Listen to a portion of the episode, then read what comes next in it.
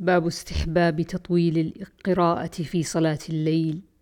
عن حذيفة قال: صليت مع رسول الله صلى الله عليه وسلم ذات ليلة فافتتح البقرة فقلت يركع عند المئة. ثم مضى فقلت يصلي بها في ركعة. فمضى فقلت يركع بها.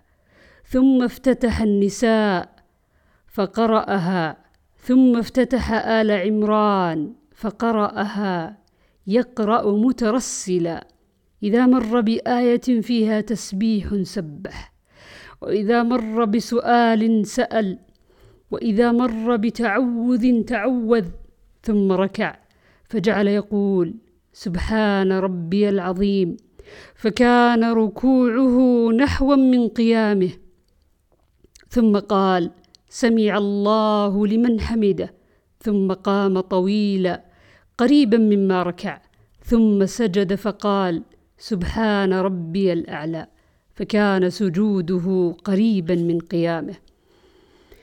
وعن عبد الله قال صليت مع رسول الله صلى الله عليه وسلم فأطال حتى هممت بأمر سوء. قيل وما هممت به؟ قال هممت أن أجلس وأدعه. باب الحث على صلاة الليل وإن قلت. عن عبد الله قال ذكر عند رسول الله صلى الله عليه وسلم رجل نام ليلة حتى أصبح. قال ذاك رجل بال الشيطان في أذنه أو قال في أذنيه. عن علي بن أبي طالب النبي صلى الله عليه وسلم طرقه وفاطمة فقال ألا تصلون؟ فقلت يا رسول الله إنما أنفسنا بيد الله فإن شاء أن يبعثنا بعثنا. فانصرف رسول الله صلى الله عليه وسلم حين قلت له ذلك. ثم سمعته وهو مدبر يضرب فخذه ويقول وكان الإنسان أكثر شيء جدلا. عن أبي هريرة يبلغ به النبي صلى الله عليه وسلم قال يعقد الشيطان على قافية رأس أحدكم ثلاث عقد إذا نام بكل عقدة يضرب عليك ليلا طويلا فإذا استيقظ فذكر الله انحلت عقدة وإذا توضأ انحلت عنه عقدتان وإذا صلى انحلت العقد فأصبح نشيطا طيب النفس وإلا أصبح خبيث النفس كسلان. باب استحباب صلاة النافلة في بيته وجوازها في المسجد وسواء في هذا الراتبة وغيرها إلا الشعائر الظاهرة. وهي العيد والكسوف والاستسقاء والتراويح وكذا ما لا يتأتى في غير المسجد كتحية المسجد أو يندب كونه في المسجد. وهي ركعة الطواف.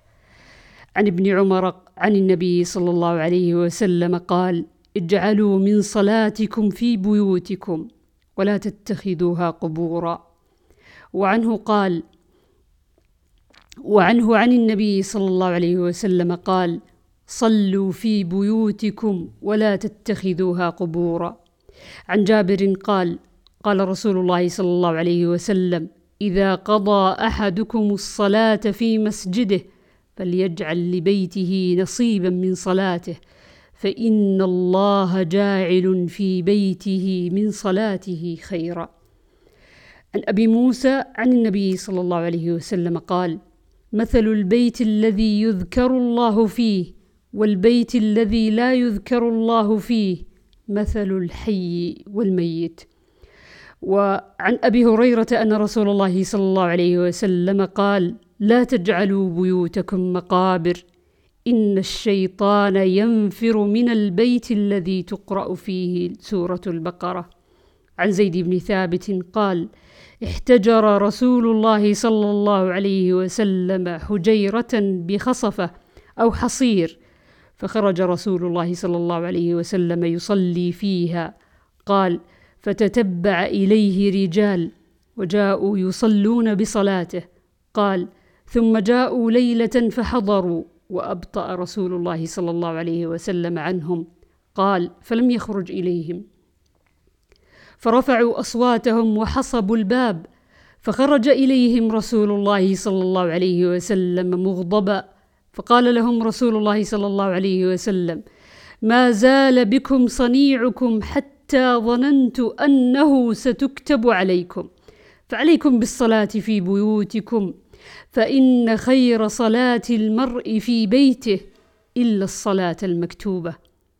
عن زيد بن ثابت أن النبي صلى الله عليه وسلم اتخذ حجرة في المسجد من حصير فصلى رسول الله صلى الله عليه وسلم فيها ليالي حتى اجتمع إليه ناس فذكر نحوه وزاد فيه ولو كتب عليكم ما قمتم به. اللهم لك الحمد. اللهم صل وسلم على نبينا محمد.